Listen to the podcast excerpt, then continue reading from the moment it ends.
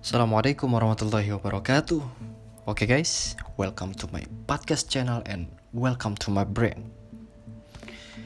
Dalam kesempatan podcast kali ini, Alif akan coba membahas sedikit tentang suku korporasi. Check it out. Suku, korpo suku korporasi adalah salah satu instrumen investasi syariah yang diterbitkan oleh suatu perusahaan dalam mencari pendanaan. Tujuan utama perusahaan menerbitkan sukuk yaitu untuk mendapatkan dana dari masyarakat untuk pengembangan bisnis perusahaan lain untuk pengembangan bisnis perusahaan selain dana dari internal perusahaan atau dana dari pinjaman perbankan. Jadi sukuk ini adalah salah satu program investasi guys dan tujuan utama sukuk ialah untuk mengembangkan dana hmm, selain dana yang didapatkan dari masyarakat atau dari pinjaman terhadap perbankan. Sedangkan tujuan masyarakat memilih sukuk yaitu sebagai sarana untuk berinvestasi, karena setiap penerbitan sukuk pasti disertai dengan pemberian fee atau ujroh atau bagi hasil. Nah, Suku korporasi merupakan instrumen yang sesuai dengan prinsip syariah di pasar modal.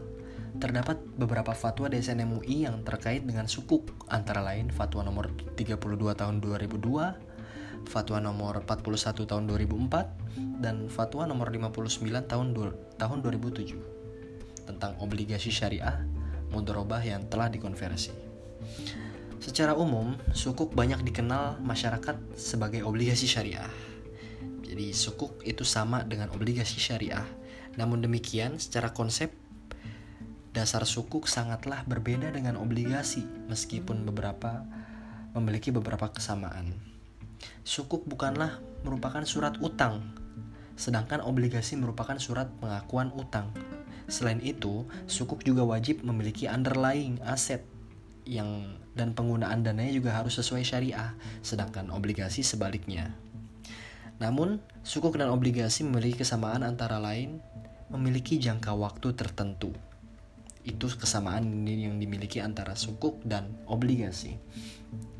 Sukuk dapat diterbitkan dengan berbagai macam jangka waktu pendek, 3 tahun, jangka waktu menengah 5-7 tahun, ataupun jangka waktu panjang, yaitu kurang lebih eh kurang dari 10 tahun, tergantung kebutuhan perusahaan tersebut.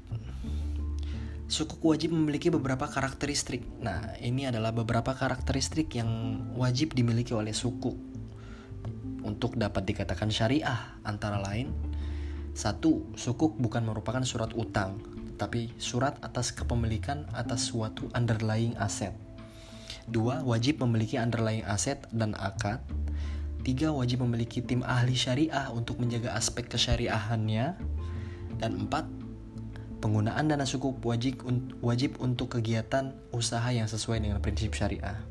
Di sisi lain, tingkat imbalan sukuk bisa bersifat tetap maupun tidak tetap. Semua ini tergantung pada jenis akad yang digunakan dalam sukuk. Pada dasarnya, semua jenis akad syariah bisa digunakan dalam penerbitan sukuk korporasi bank ijaroh, mudorobah, musyarakah, wakalah, salam, dan lain-lain. Namun, dalam praktek di Indonesia, penerbitan penerbitan suku korporasi paling banyak menggunakan akad ijaroh atau sewa menyewa dan mudorobah atau bagi hasil.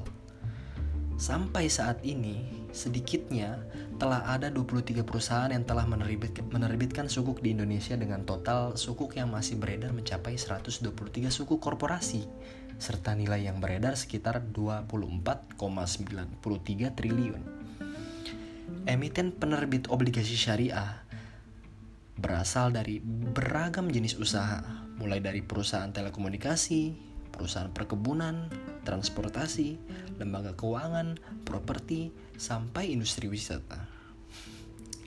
Saat ini, perusahaan yang akan menerbit, menerbitkan sukuk juga diberikan beberapa kelebihan, antara lain investor sukuk memiliki cakupan yang lebih luas, baik investor muslim maupun investor non-muslim.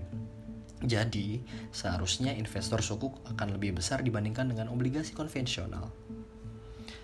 Peraturan pemerintah nomor 11 tahun 2014 tentang pungutan oleh OJK menyebutkan bahwa pernyataan pendaftaran dalam rangka penawaran umum obligasi dikenakan 0,05% dari nilai emisi dengan nominal paling banyak sebesar 750 juta rupiah. Sedangkan pernyataan pendaftaran sukuk dikenakan pungutan sebesar 0,05% dengan nominal maksimal 150 juta. Nominal maksimal pungutan sukuk tersebut sejatinya telah dipotong dari sebelumnya yang sama dengan obligasi konvensional. Jadi, pungutan pendaftaran sukuk lebih murah dibandingkan dengan obligasi. Oleh karena itu, masih ragu ikut sukuk? Asik. Untuk diketahui Bareksa juga sebelumnya menjadi mitra distribusi penjualan. Pembahasan kita yang kedua adalah mengenai landasan hukum yang dipakai dalam produk obligasi syariah. landasan hukum pertama adalah ayat Al-Quran surah Al-Ma'idah yang berbunyi Bismillahirrahmanirrahim Ya ayyuhalladzina amanu awfu bil'uqud Hai orang-orang yang beriman, penuhilah akad-akad itu. Landasan Al-Quran kedua ialah surat Al-Isra ayat 34 yang berbunyi Bismillahirrahmanirrahim. Wa aufu bil ahdi innal ahda kana mas'ula. Dan penuhilah janji. Sesungguhnya janji itu pasti diminta pertanggungjawabannya. Landasan Al-Quran ketiga adalah firman Allah surah Al-Baqarah ayat 275 yang berbunyi الذين يأكلون الربا لا يقومون إلا كما يقوم الذي يتخبطه الشيطان من المس ذلك بأنهم قالوا إنما البيع مثل الربا وأحل الله البيع وحرم الربا فمن جاءه موعظة من ربه فانتهى فله ما سلف وأمره إلى الله ومن عاد فأولئك أصحاب النار هم فيها خالدون Orang yang makan mengambil riba tidak dapat berdiri, melainkan seperti berdirinya orang yang kemasukan syaitan lantaran tekanan penyakit gila. Keadaan mereka yang demikian itu adalah disebabkan karena mereka berkata, sesungguhnya jual beli itu sama dengan riba. Padahal Allah telah menghalalkan jual beli dan mengharamkan riba. Orang yang telah sampai padanya larangan dari Tuhannya lalu terus berhenti dari mengambil riba, maka baginya apa yang telah diambilnya dahulu sebelum datang larangan, dan urusannya terserah kepada Allah. Orang yang mengulangi mengambil riba, maka Allah, maka orang itu adalah penghuni neraka. Mereka kekal di dalamnya. Landasan hukum kedua adalah landasan hukum hadis Nabi riwayat Imam Tirmizi dari Amr bin Ma'af yang berbunyi perjanjian boleh dilakukan di antara kaum muslimin kecuali perjanjian yang mengharamkan yang halal atau menghalalkan yang haram dan kaum muslimin terikat dengan syarat-syarat mereka kecuali syarat yang mengharamkan yang halal atau menghalalkan yang haram. Hadis selanjutnya adalah hadis Nabi riwayat Imam Ibnu Majah. Tidak boleh membahayakan, merugikan diri sendiri maupun orang lain. Lalu landasan selanjutnya adalah landasan kaidah fikih pada produk obligasi kali ini, kaidah fikih yang digunakan ada ada empat kaidah fikih yang digunakan.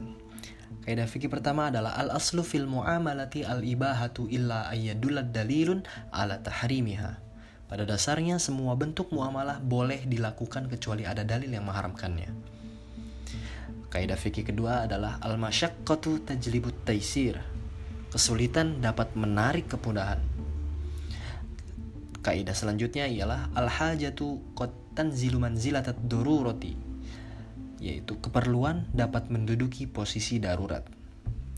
Lalu kaidah fikih yang terakhir adalah ats-tsabitu bil urfi katsabiti. Sesuatu yang berlaku berdasarkan adat, kebiasaan sesama dengan sesuatu yang berlaku berdasarkan syar'u selama tidak bertentangan dengan syariat. Itu adalah beberapa landasan uh, dari hukum landasan hukum dari produk obligasi syariah yang kita bahas dalam kesempatan podcast kali ini. Semoga dapat bermanfaat dan dapat dipahami oleh kalian oleh kita semua. Kesalahan datangnya dari alif dan kebenaran datangnya hanya dari Allah. Al-haqqu min rabbika fala takunanna minal mumtarin. Jazakallah khairan katsira. Wassalamualaikum warahmatullahi wabarakatuh.